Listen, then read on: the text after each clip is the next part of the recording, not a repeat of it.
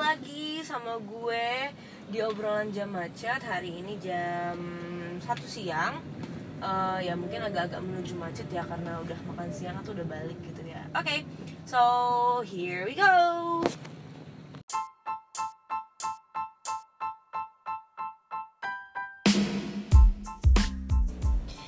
Oke, okay, jadi hari ini itu gue mau ngomong soal film yang baru gue tonton hari ini dan ya sedikit review tidak berguna. Mungkin bagi seseorang yang sebagian berguna mungkin bagi orang yang lain tidak berguna. Tapi hari ini gue hanya pengen ngomong. Jadi hari ini tuh gue tadi nonton film uh, judulnya dua garis biru. Well uh, film yang udah cukup booming juga sih karena banyak orang yang uh, bilang ke gue juga ini adalah film yang worth to watch. Jadi gue penasaran dan ternyata emang sebagus itu. Jadi mungkin pembahasan awalnya untuk film ini itu adalah film Dua Garis Biru ini menceritakan kisah tentang dua orang anak muda of course yang tidak sengaja terlibat seks di luar nikah dan well seperti yang kita tahu resikonya adalah si ceweknya hamil dan ya banyaklah kelanjutan uh, peristiwa lainnya yang mengikuti. Tapi ini bukan hanya sekedar soal uh, kasarnya ngewe di luar nikah dan hanya sekedar film apa ya romantisisan atau sekadar film gombal-gombalan aku nggak bakal ninggalin kamu. Akan aku, aku akan tetap bertanggung jawab terhadap anak dan dari kita enggak. Gue awalnya sebenarnya sih rada pesimis sama film ini karena terkesan kayak ih apa sih film ini? Gitu. Jujur jujur banget sih kalau gue karena gue bukan penyuka. Istilahnya ini kan lebih ke film romantis ya drama ya. Dan gue bukan penyuka genre itu jadi gue sebenarnya agak pesimis ah ini paling uh, ceritanya gitu lagi gitu lagi gitu tapi ternyata gue salah. Jujur untuk pemilihan premisnya sih sebenarnya simple tapi uh, ternyata eksekusinya tidaklah sesimpel yang dipikirkan tidaklah sesimpel uh, yang gue pikirkan. Karena jujur untuk premis yang seorang remaja hamil di luar nikah kemudian uh, dihadapkan dengan permasalahan hidup lainnya kemudian ternyata dia sadar bahwa menjadi orang tua itu tidak semudah yang dibayangkan menjadi orang tua itu ternyata tidak hanya lo bikin anak lo melahirkan terus ya udah gitu.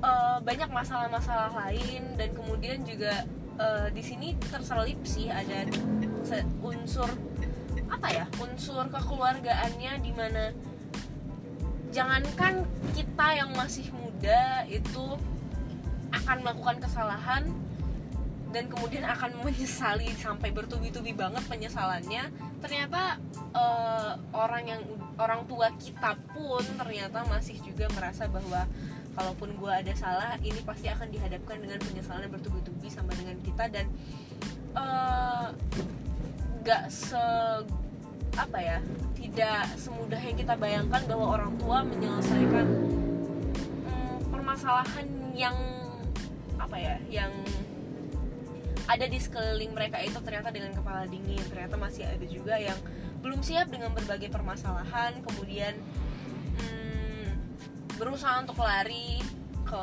karena nggak siap dengan adanya permasalahan yang datang. Terus tidak bisa menghadapi dengan kepala dingin. Dan menurut gue sih untuk premis cerita yang simple tapi dengan eksekusi yang oke okay sih menurut gue uh, udah sangat sangat apa ya eksekusinya bagus banget sih ya. Sangat sangat bagus. Karena jujur sebenarnya gue uh, sekali lagi kan bukan penikmat genre drama romantis slash kekeluargaan gitu ya. Tapi ini ini menurut gue untuk kalian yang memang pengen tahu uh, cerita yang simple tapi berat ini boleh kalian tonton. Dan menurut gue sih kalau yang mudah terbawa perasaan kayak gue lebih baik kalian siapkan tisu karena gue tadi tidak me menyediakan amunisi sama sekali jadi tadi kebetulan gue banjir. Muka gue mata gue sembab sekarang. Lebih baik kalian sediakan tisu kalau misalnya yang mudah mewek nonton film. Kayak misalnya contohnya kalian nonton film Koko kalian mewek gitu ya. Lebih baik untuk nonton film ini kalian sediakan tisu ya. Karena jujur berkaca dari pengalaman gue tadi nonton gue sibuk nyari-nyari tisu di tengah-tengah film jadi lebih baik kalian sediakan tisu sebelum hujan. Uh, terus juga kalau dari segi storyline-nya itu udah segi storyline kan tadi kayak gue bilang itu bagus. Yang kedua juga dari pemilihan cast. Untuk pemilihan castnya sendiri menurut gue ini terbilang apik. Kenapa? Karena uh, jujur sebenarnya gue pas ngeliat uh, lead karakternya yang cewek maupun yang cowok gue sebenarnya agak pesimis. Ini yakin ini orang yang bakal mainin gitu. Gue sebenarnya jujur kayak nggak percaya banget apakah mereka bisa memerankan uh, dengan baik. Kemudian apakah mereka mereka bisa gitu kayak membuat seolah-olah film ini tuh tidak terkesan jujur nggak terkesan nggak terkesan kayak FTV gitu. Loh uh, dan ternyata uh, Zara JKT48 yang berperan sebagai Dara dan Angga Yunanda yang berperan sebagai Bima menurut gue berhasil untuk membawa uh, penonton dan audiens yang pesimis mungkin seperti gue terbawa ke dalam emosi ceritanya dan mereka berhasil mengeksekusi peran mereka masing-masing dan saling melengkapi sebagai seorang uh, dua remaja yang tidak sengaja melakukan hubungan intim di luar nikah dan dihadapi dengan permasalahan permasalahan lainnya dan untuk gue untuk gue sih sebenarnya acting mereka terbilang natural tapi mungkin masih ada lah sedikit perbaikan-perbaikan. Kayak kalau menurut gue sih mungkin di untuk adegan nangisnya sih gue jujur sangat mengapresiasi ya karena jarang loh ada yang bisa bikin adegan nangis itu. Menurut gue gue nya juga terbawa perasaan itu susah banget gitu loh. Maksudnya kayak gue jujur kalau misalnya ada ngeliat ini orang lagi adegan nangis istilahnya ya lagi adegan sedih tapi kadang tuh gue perhatiin tuh aktornya itu seakan-akan dibuat-buat nangisnya sedihnya dibuat-buat. Jadi gue juga nggak jadi ikutan sedih jadi gue ngerasa oke okay, lu acting gitu. Tapi uh, seorang Zara CKT48 dan Angga Yunanda yang berperan sebagai Bima dan Dara uh, mengeksekusi perannya sangat baik eh, kita kita yang penonton juga banyak terbawa perasaan. Tidak hanya gue ternyata yang mewek kiri kanan gue atas bawah. Depan belakang ternyata uh, juga ikut terbawa perasaan dengan aktingnya mereka. Dan gak lupa juga sih gak hanya acting dari seorang Angga Yunanda dan Zara JKT48 yang patut diapresiasi. Jujur uh, Shoot Mini sebagai ibunya dari uh, Bima menurut gue itu apa ya bener-bener stand out sih. Uh, scene stealer banget entah kenapa kenapa karena gue ngerasa kayak uh, Shoot Mini ini memang seorang aktris yang sangat totalitas ya entah kenapa menurut gue. Karena cara dia membawakan peran dia uh, dia emang benar-benar masuk ke dalam uh, role yang dia perankan sehingga kita pun jadi ngerasa kayak oke okay, ini adalah dia gitu loh. Ini adalah seorang mini gitu.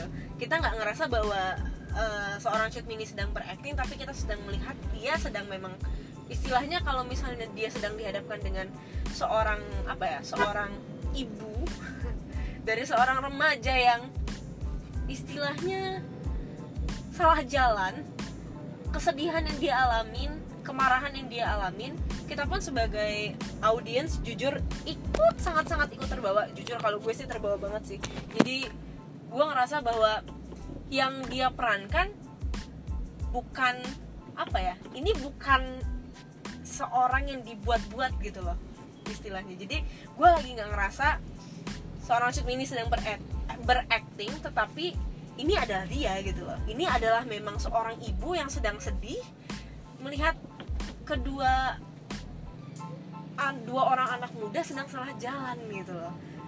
Eks, uh, menggambarkan kesedihan bagaimana menjadi seorang ibu yang merasa tidak bisa mendidik anaknya gitu. Nah itu emang bener-bener dapet gitu loh dari seorang uh, Cut Mini gitu menurut gue dan jujur Cut Mini adalah peran yang paling uh, apa ya mencolok menurut gue cast yang paling mencolok entah kenapa. Memang bener-bener scene stealer sih menurut gue kemudian tapi nggak juga kita lupa dengan seorang ya banyak sih memang uh, untuk peran orang tuanya pun ya di artis senior dong. Lulu Tobing sebagai ibunya dari Dara kemudian uh, Dwi Sasono sebagai orang uh, papanya dari Dara juga. Nah uh, jujur kita nggak bisa bohong lah ya pengalaman emang benar-benar membawa taraf acting mereka jauh berbeda dari ya aktor dan aktris yang lebih jauh junior di bawah mereka. Uh, peran yang mereka bawakan seperti yang gue bilang tadi ya pengalaman gak bisa bohong ya membuat kita sebagai audiens emang bener-bener terbawa ke dalam cerita. Emang bener-bener membawa gue sebagai penonton merasakan bahwa ini loh emosi yang sebenarnya ini loh emosi yang mau disampaikan uh, si aktornya ini itu bener-bener nyampe ke kita di audiens. Karena jujur adegan yang seharusnya apa ya berusaha kayak adegan sebenarnya biasa. Adegan yang mungkin terlihat seperti sesuatu kayak dua keluarga yang berusaha untuk hmm, memecahkan permasalahan pelik ini antara dua orang anaknya. Percakapan biasa tetapi terasa gitu loh sama kita emosinya gitu loh. Emosi yang dipaparkan oleh oleh aktor dan aktris di sana. Emang bener-bener dapet dan menurut gue sih nggak tidak men, tidak apa ya tidak dapat dipungkiri juga bahwa pemilihan cast yang apik ini yang menjadikan film ini tuh kayak apa ya bersatu sama si aktor dan aktrisnya gitu loh. Karena jujur gue menilai film yang bagus itu menurut gue ya dari orang yang tidak tahu perfilman sama sekali tidak belajar film tidak tidak bisa berakting tapi hanya sebagai seorang penikmat film. Tapi jujur kalau gue ngeliat film yang bagus itu ya gimana caranya aktor sama aktrisnya ini bisa untuk hmm, apa ya bersatu dengan si filmnya gitu loh. Antara aktor dengan aktor yang lainnya antara sesama cast chemistry dapat atau enggak dan juga antara uh, cast dengan ceritanya itu sendiri mereka bisa nggak uh, apa ya masuk ke dalam peran mereka dan menyampaikan emosi yang seharusnya kita rasakan juga gitu. Mereka bisa dan menurut gue pemilihan cast itu bener-bener tahapan yang krusial gitu. Dan di sini menurut gue pemilihan cast itu sangat apik terbilang terbilang apa ya? Keren gitu loh untuk pemilihan castnya walaupun memang sebenarnya gue dari waktu pas awal sempat pesimis karena uh, lihat karakternya mungkin jujur gue gak kenal sama nama-nama dari lead karakternya. Jadi gue sempat pesimis tapi ternyata well mungkin gue salah nggak boleh menilai dulu ya sebelum nonton. Adalah jadi oke okay, ini adalah podcastnya sih oke okay banget tepuk tangan sih buat buat uh, apa staff yang casting para aktor dan aktrisnya sih gue tepuk tangan banget sih Yeay. kemudian setelah dari storyline terus dari pemilihan cast jujur yang nggak bisa dipisahin dari uh, sebuah film itu menurut gue adalah musik oke okay. uh, eh, jujur musik uh, dan sound effect yang mengiringi semua adegan yang mengiringi semua scene yang ada di film ini menurut gue emang bener-bener masuk ke dalam uh, apa ya bener-bener menyatu sama emosi yang dibawakan oleh si aktor dan aktrisnya. Kenapa gue bilang kayak gitu? Karena nggak jarang juga ada beberapa film yang mungkin harusnya kita nyampe emosi yang kita yang kita serap dari si ceritanya itu dari season itu seharusnya 100% tetapi mungkin hanya akan tersampaikan sekitar 70% hanya karena mungkin ada beberapa sound effect yang kurang mendukung kita untuk untuk benar-benar menyelami cerita. Kemudian ada juga yang seharusnya nyampe nya uh, 100% tapi hanya uh, 60% atau 50% hanya karena sound effect-nya bagus tapi ya aktor dan aktrisnya tidak bisa memberikan performance yang benar-benar bisa bikin audiensnya itu terserap ke dalam emosi cerita gitu. Menurut gue sih untuk film ini jujur sound effect dan uh, soundtracknya bagus banget sih nggak tahu kenapa. Karena sebenarnya sih nggak dari lagu yang lagu yang mengiringi beberapa scene sih menurut gue gue jujur gue nggak tahu penyanyinya siapa. Nanti bakal gue cari mungkin di Spotify gue bakal cari siapa uh, yang nyanyiin soundtracknya. Karena jujur menurut gue salah satu mm, scene di beberapa scene nggak hanya salah satu di beberapa scene ada uh, soundtrack yang jujur itu bener-bener kena ke gue entah kenapa. Dan musiknya apa ya padu padan musiknya ke dalam scene-nya dan juga suara penyanyinya cewek by the way sebenarnya sih ada ada mirip Isyana sih tapi gue nggak tahu sih ya apa bener. Kah Isyana Sarasvati yang hmm, bernyanyi untuk soundtrack dua garis biru ini. Tapi nanti gue bakal cari lagi di Spotify. Uh, itu bener-bener bisa bikin kita masuk ke dalam emosi cerita gitu loh. Jujur gue setiap lagu yang dibawain itu yang gue bilang tadi nggak tahu kenapa gue mewek semewek meweknya padahal tadi itu anggaplah tadi sebelumnya scene sebelumnya itu adalah adegan yang lucu ketawa tapi giliran musik itu disetel uh, auto mewek gue tiba-tiba. Jadi kayak uh, air mata gue tiba-tiba turun aja gitu. Dan emang itu bener-bener kayak wow gitu. Wow banget sih menurut gue jadinya. Ini jujur sih gue uh, kenapa gue kayak hype banget ngomongin ini? Kayak kok keren banget gitu jujur. Ini nggak lebay karena emang bagus menurut gue karena jujur sih uh, gue sempat baca sebelumnya di twitter uh, ada screenshot yang mengatakan beberapa pihak ada yang ingin memboikot film ini just because it seems like mereka melegalkan yang namanya pergaulan bebas, seks bebas, melegalkan yang namanya zina. Jujur, sejujur-jujurnya, uh, kalau gue pribadi ya, gue nggak akan mau menilai film itu nilai yang ditangkap itu sebelum gue nonton sendiri mungkin akan ada beberapa aspek dari film yang gue pertimbangkan. Kayak misalnya oh pemerannya ini gitu. Tapi jujur gue nggak akan berani menilai nilai dari cerita film itu sebelum gue nonton sendiri gitu. Karena jujur uh, apa ya? Film dua garis biru ini menurut gue mengangkat tema yang cukup berani bukan cukup berani emang berani. Karena ini mengangkat tema yang sangat sensitif gitu loh di kehidupan kita. Gue karena jujur ini menceritakan tentang bagaimana seorang dua anak muda yang masih polos SMA kemudian melakukan istilahnya seks di luar nikah kemudian hamil.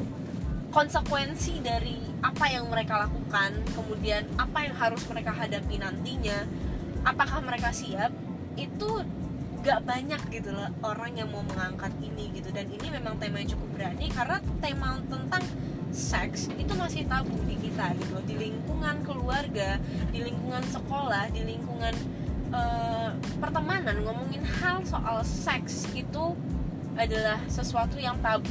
Terkesan jorok terkesan tidak sopan gitu loh. Tapi jujur film ini bikin gue sadar bahwa ternyata sex education di keluarga di uh, institusi pendidikan itu sangat penting gitu loh. Dan apa ya kenapa gue bilang seperti itu? Ya premis ini sederhana. Anak yang dua anak muda dua anak sekolah yang pacaran kemudian melakukan hubungan intim di luar nikah tapi mereka lupa dengan konsekuensinya.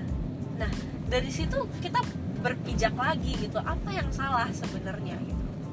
Ya tentunya pasti seks edukasi tentang reproduksi edukasi tentang seks baik itu di keluarga ataupun di institusi pendidikan itu masih sangat kurang. Dan jujur ada satu adegan mungkin this is a little ada sedikit gue nggak tahu ya ini spoiler atau bukan but I will I will put spoilers nanti di di judulnya di sana pada saat diketahui oleh pihak sekolah yang agak sedikit bikin gue terkejut adalah pihak ceweknya yang dikeluarkan. Oke okay? pihak ceweknya yang dikeluarkan dari sekolah sedangkan pihak cowoknya tidak. Dengan alasan apa? Dengan alasan nama baik sekolah yang dipertaruhkan. Oke oke oke. Uh, seharusnya jujur dari gue pribadi setelah melihat adegan itu gue kembali berpikir ternyata seks edukasi edukasi tentang seks uh, yang dianggap tabu dan jorok ternyata memang apa ya tidak semudah itu ternyata orang bisa menyampaikan gitu loh. Karena stigma masyarakat tentang seks adalah sesuatu hal yang kotor sesuatu hal yang jorok itu sesuatu hal yang tabu dan tidak boleh dibicarakan di depan umum di seperti itu sekolah mengeluarkan pihak wanita sedangkan yang lelaki tidak gitu loh. Oke okay, di sini gue kembali berpikir wow kalau misalnya terjadi hal seperti ini sebenarnya bisa dilihat lagi. Kalau misalnya dari uh, keluarga anak murid keluarga siswa berusaha untuk memberikan istilahnya menjelaskan apa perbedaannya lelaki dan perempuan kemudian uh, ya istilahnya bagaimana tahapan reproduksi baik lelaki maupun perempuan. Oke okay, keluarga anggap kita anggap kita anggap uh, si anak sudah mendapatkan itu dari keluarga. Oke? Okay? tetapi pada tahap selanjutnya pendidikan itu akan diterima di institusi pendidikan yaitu sekolah. Lain halnya dengan anak yang homeschooling. Tetapi untuk anak-anak yang memang kebanyakan sebagian besar itu masuk ke dalam institusi pendidikan formal seperti sekolah SD SMP SMA uh, menurut gue uh, edukasi mengenai reproduksi dan seks itu perlu untuk ditanamkan. Bukan karena hal uh, tabunya ini bukan karena kita pengen melegalkan seks bebas kemudian kita ajarin mereka terus tiba-tiba jadi legal gitu seks bebas terus jadi legal tiba-tiba zina. Enggak tetapi kita harus kasih tahu gitu loh kepada anak-anak uh, apa ya kepada anak-anak muda gitu anak-anak kecil gitu SD SMP SMA karena kita jujur pendidikan wajib kita adalah sekolah wajib sekolah 12 tahun ya berarti dari SD sampai uh, eh, SMA oke okay. wajib belajar 12 tahun tidak hanya menurut gue tidak hanya ke dalam ilmu yang akan dipakai istilahnya yang akan dipakai pada saat mereka kuliah nanti pada saat mereka akan kerja nanti seperti sains uh, sosial kemudian uh, seni dan yang lain-lain. Nggak menutup kemungkinan pendidikan seks pun harus diberikan. Kenapa? Karena ini juga menyangkut kehidupan sehari harinya mereka gitu. Karena dari yang sempat gue baca juga hampir uh, dari portal berita yang sempat gue baca juga dulu sih beberapa tahun yang lalu 50 sampai 65 persen anak sekolah itu sudah pernah melakukan hubungan badan oke okay. dari sini kita lihat lagi melakukan hubungan badan artinya banyak dari anak-anak muda kita melakukan seks di luar nikah dan pasti karena mereka masih dalam tahap sekolah, tahap belajar, tahap menemukan jati diri, tentunya mereka tidak berpikir dong secara jangka panjang konsekuensi yang akan didapatkan dari apa yang mereka kerjakan. Oke. Okay. Nah, menurut gue kalau misalnya eh, anak-anak yang masih dalam tahap wajib belajar ini yang masih harus diawasi baik di rumah dan di sekolah oleh guru dan orang tua, uh, tentunya nggak hanya dari bagian aspek secara uh, sains sosial kemudian uh, seninya yang di, diawasi gitu loh cara belajar mereka. Tetapi juga diberikan pengertian gitu loh seks edukasi ini gitu bahwa apa bedanya kamu dengan kamu sebagai laki-laki dan apa bedanya kamu dengan perempuan? Begitu juga sebaliknya kamu perempuan apa bedanya kamu dengan laki-laki gitu? Pada saat kamu nanti sudah remaja gitu apa yang akan terjadi dengan tubuh kamu gitu. Apa yang akan terjadi nantinya uh, dengan uh, sel-sel di badan kamu gitu. Dan akan dan harus diberikan pengertian juga gitu. Uh, kamu lahir tidak hanya tidak dari cara yang uh, yang gimana loh gitu. Jadi menurut gue diberikan pengertian kepada anak-anak gitu loh mengenai edukasi tentang ini gitu. Karena jujur menurut gue udah bukan sesuatu hal bukan nggak patut lagi gitu loh. Uh, seks itu dianggap sebagai sesuatu hal yang tanda kutip jorok tanda kutip lagi tabu gitu loh. Karena kita pantas gitu loh untuk memberikan pengertian tentang edukasi peristiwa seperti ini tuh sejak dini karena gak mungkin kita biarkan anak-anak SD, SMP, SMA yang dalam usia sekolah itu mempelajari sendiri. Kenapa? Karena jujur anak-anak yang tidak diberikan media soal topik seperti ini pasti akan memberi pasti akan mencari cara gimana caranya gue bisa dapat gitu loh pelajaran tentang topik ini gitu sendiri. Nah gak menutup kemungkinan dia akan mencari di situs-situs yang ya seharusnya dia nggak buka itu gitu loh. Not safe for words gitu loh. NSFW situs-situs yang uh, ya bukan situs yang seharusnya diakses sama mereka istilahnya gitu loh. Kan nggak mungkin. Nah gimana caranya? Ya tentunya kita harus memberikan edukasi gitu loh. Baik dari keluarga diberikan pengertian kemudian dari institusi pendidikan jangan menganggap ini adalah sesuatu hal yang malu gitu loh. Jangan menganggap ini adalah sesuatu hal yang memalukan kalau guru meng mengajarkan edukasi tentang uh, seks gitu loh. Ini bukan sesuatu yang tabu lagi gitu. Karena menurut gue ya mungkin dulu silahkan dianggap tabu topik-topik uh, sensitif seperti ini gitu. Tetapi zaman sekarang di mana orang sudah ber, bersentuhan dengan teknologi kemudian uh, ntar gue susah nih karena aduh ada orang yang ngebawa motornya eh motor mobilnya ini banget. Ini goblok banget sumpah. Oke okay, lanjut lagi. Tapi bentar dulu deh oke kayaknya oke okay, gue bingung jadinya oke okay, gue bingung gue bingung gue bingung oke okay. uh, eh, tadi sampai mana oh ya oh ya yeah. oke okay.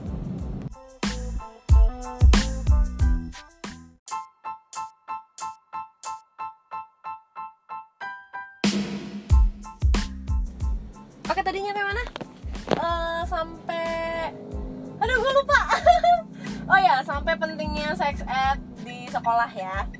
Uh, sorry tadi soalnya gue menepi dulu beli putu soalnya abangnya kelihatan gerobaknya wiu wiu wiu nya jadi gue beli dulu.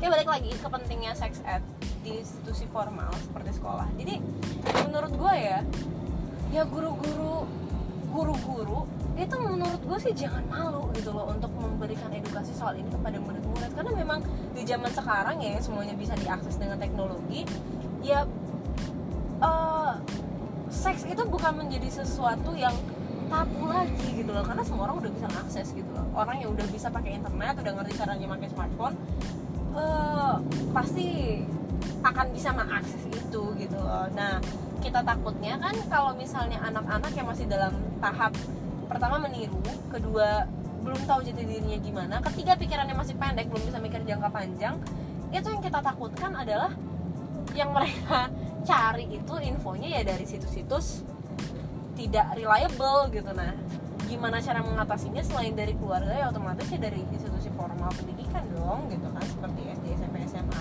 nah terus gimana caranya kita menyampaikan kepada mereka si anak-anak ini anak-anak usia sekolah ini uh, tanpa terkesan seperti kita berbicara jorok gitu lah. Nah menurut gue sih mungkin disesuaikan gitu tahapannya gitu. Kayak misalnya anak-anak SD ya jangan dari dari ini juga gitu loh. Kayak mungkin kalau kelas 1 kan masih dari dari TK banget ya itu masih kecil banget. Jadi menurut gue dimulai dari kelas 3 SD gitu yang sudah mulai apa ya ya udah mulai terbentuk lah cara berpikirnya gitu ya. Walaupun ya walaupun belum matang lah masih namanya masih anak-anak tapi setidaknya mereka masih udah udah mulai terbentuk cara berpikir.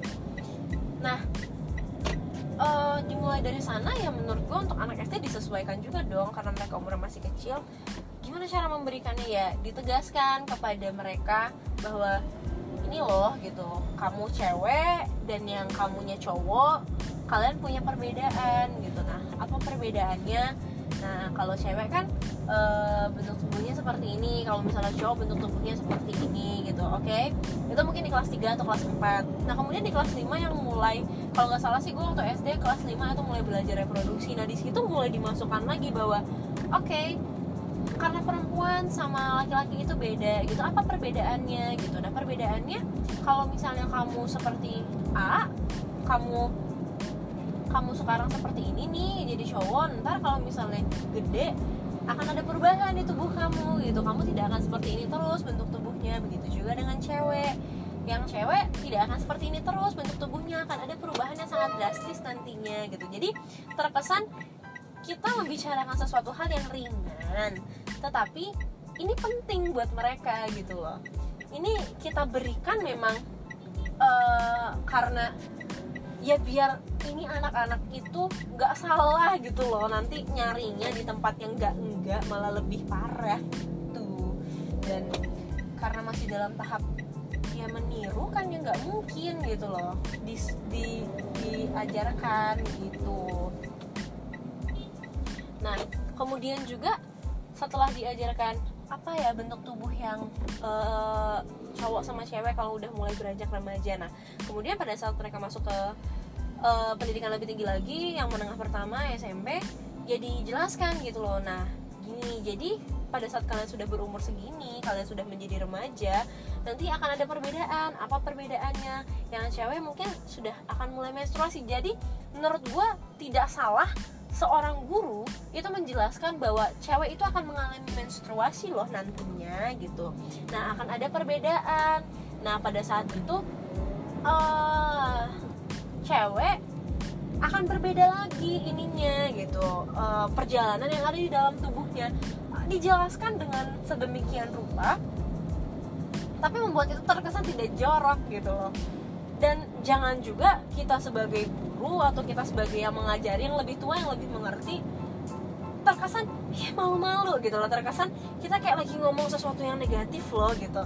Karena ya mau nggak mau pasti anak-anak akan ngeliat gitu akan akan memperhatikan bahwa ini kenapa ya ekspresi guru aku ke begini? Atau misalnya dia nanya sama mama sama papanya sama kakaknya gitu kan ini kenapa ya kakak aku ngejelasinnya kok kayak terkesan begini banget gitu? Nah, pasti mereka akan berpikir juga gitu.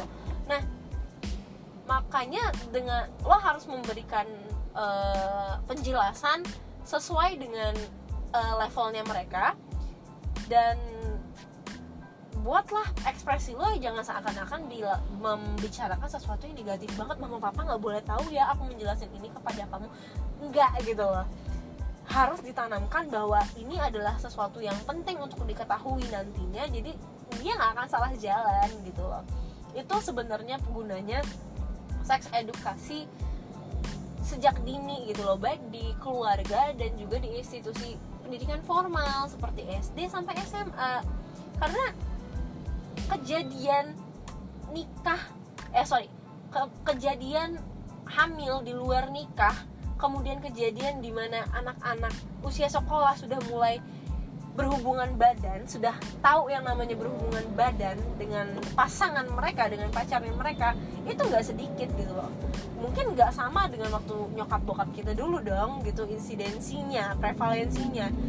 Itu nggak sama gitu loh. Kenapa? Karena zaman kita dan zaman nyokap bokap kita itu berbeda gitu loh. Kita udah hidup di zaman di mana semua bisa diakses gitu loh. Semua dari belahan dunia mana pun dari yang tergelap sampai yang paling terang bisa di diakses gitu loh. Nah nggak bisa gitu loh pola pendidikannya eh, nggak uh, disesuaikan gitu loh. Pendidikan yang nggak dinamis nggak bisa gitu loh. Dia harus pendidikannya harus dinamis harus mengikuti zamannya si anak-anak.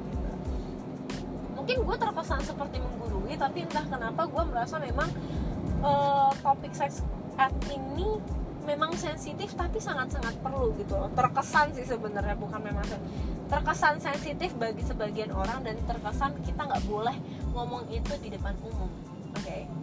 well dengan adanya rape culture yang sangat berkembang tentunya gue juga nggak berharap bahwa omongan-omongan soal apa ya istilah kasarnya ya. Ngewe tanda kutip. Uh, kemudian uh, istilah-istilah well istilah-istilah seks lainnya itu harus lo paparkan gitu karena hanya karena seks ed itu nggak tabu bukan. Maksud gue memberikan edukasi itu sesuai eye levelnya mereka dan memberikan uh, edukasi bahwa uh, reproduksi manusia itu tidak tidak tidak simple gitu loh lo bukan hanya dengan pegang tangan terus hamil enggak gitu. Itu terjadi sebuah proses. Nah proses yang lo lalui itu kalau misalnya lo ketemu nih ini memang harus dijelaskan gitu. Nah ini sel telur nah ini sel sperma. Kalau ketemu jadinya anak bukan ubur-ubur. Harus dijelaskan secara rinci kepada mereka. Tapi terkesan memang jangan menunjukkan bahwa ini adalah topik yang sangat sensitif gitu loh. Tapi bukan berarti juga gue melegalkan ngomong apa ya yang ngomong about sex or rape bukan seks juga pokoknya ngomong yang if you know what I mean lah ya ngomong sesuatu hal yang tidak siap untuk telinganya mereka dulu terus lo, lo, lo omongin secara gamblang enggak gitu loh. Berikan pendidikan seks itu sesuai dengan eye levelnya mereka gitu loh. Ceritakan apa sih pentingnya aku misalnya misalnya kayak uh, lo punya adik gitu apa apa sih pentingnya gue sebagai kakak ngasih tahu ini ke lo gitu? Apa sih pentingnya uh, gue sebagai orang tua ngasih tahu ini ke kamu sebagai anak? Gitu kayak gitu lah. Jadi harus dijelaskan gitu loh. Sel telur sama sel sperma jadinya kalau digabung anak gitu bukan ubur-ubur. Kemudian kalau misalnya kamu uh, melakukan hal seperti itu dan tiba-tiba hamil ya kamu jangan kaget karena memang itu konsekuensi kamu. Apalagi kalau misalnya kamu mengerjakan itu melakukan itu di usia sekolah yang di mana seharusnya kamu tuh belajar bukan bukan uh, bukan bikin anak gitu istilahnya. Ya itu memang dijelaskan konsekuensinya apa gitu. Yang pertama mungkin uh, kamunya belum siap mental. Kedua badan kamunya juga belum siap. Ketiga apalagi resikonya? Mungkin resikonya melahirkan. Resiko melahirkannya. Terus uh, kemudian resiko di mana uh, nanti kalau kamu misalnya punya anak uh, pas kamu masih usia sekolah kan kamu belum kerja. Gimana caranya kamu menghidupi ini anak? Nah itu bener-bener harus ditekankan gitu. Nah bukan jadi mungkin kebanyakan orang merasa bahwa topik seperti ini sensitif itu karena seakan-akan melegalkan yang namanya seks bebas. Tetapi kalau menurut gue sendiri ini adalah metode preventif di mana uh, anak-anak yang masih dalam tahap meniru anak-anak yang masih dalam tahap pencarian jati diri anak-anak yang masih di dalam tahap belum bisa berpikir secara jangka panjang ya ini metode preventifnya gitu loh. Dijelaskan sesuai dengan eye levelnya mereka dijelaskan sesuai dengan uh, apa ya lingkup perkembangannya dia gitu. Dijelaskan dengan bahasa yang mereka mudah mengerti gitu. Karena jujur nggak hanya ini ya nggak hanya uh, insidensi dan prevalensi hamil di luar nikah dan sudah atau belum seorang remaja berhubungan badan tetapi ini juga menyangkut dengan pernikahan di bawah umur gitu. Karena sekali lagi gue nggak menampik banyak kejadian yang sering gue baca di portal berita itu pernikahan di bawah umur entah kadang cowoknya masih SMA ceweknya SMP lah terus uh, kadang mereka masih sama-sama SMP lah atau kadang uh, si cowoknya anggap dia udah kuliah ceweknya masih SMA gitu ya. Pokoknya salah satu dari uh, pasangan ini salah satu dari anak ini itu masih di bawah umur gitu atau bahkan keduanya gitu. Nah harus ditekankan gitu kenapa kita butuh sex ed sejak ini sebagai metode preventif? Ya karena ini gitu tidak hanya menekan gimana caranya insidensi atau prevalensi uh, hamil di luar nikah kemudian seks bebas itu ditekan. Ini juga merupakan menurut gue metode preventif gitu loh gimana caranya jangan sampai kejadian pernikahan di bawah umur itu terjadi lagi gitu loh. Hanya karena uh, kesalahan yang kesannya seperti sepele tidak memberikan edukasi sepertinya sejak dini gitu. Hanya karena itu terus tiba-tiba anak lo harus dinikahkan gitu. Karena kesalahan kesalahan yang kecil tapi berakibat fatal. Nah uh, dan juga kalau gue pribadi kejadian anak nikah di bawah umur itu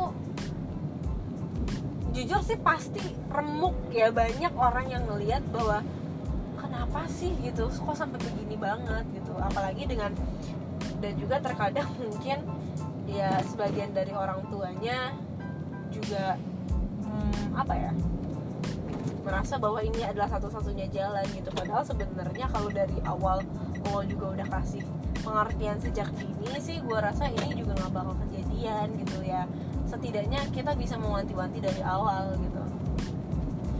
Karena ada beberapa yang gue baca tentang kejadian anak di bawah umur itu yang ternyata dapatnya juga dia lahir dari seseorang orang tua yang uh, apa ya hamil dan nikah itu di bawah umur. Nah ya itu kan sebenarnya lebih kayak lingkaran setan ya gimana caranya kita bisa melepaskan diri gitu loh dari jeratan lingkaran setan ini. Karena ya semakin kita merasa bahwa ini penting akan semakin gue rasa sih akan semakin cepat gitu loh ini sebagai metode preventif.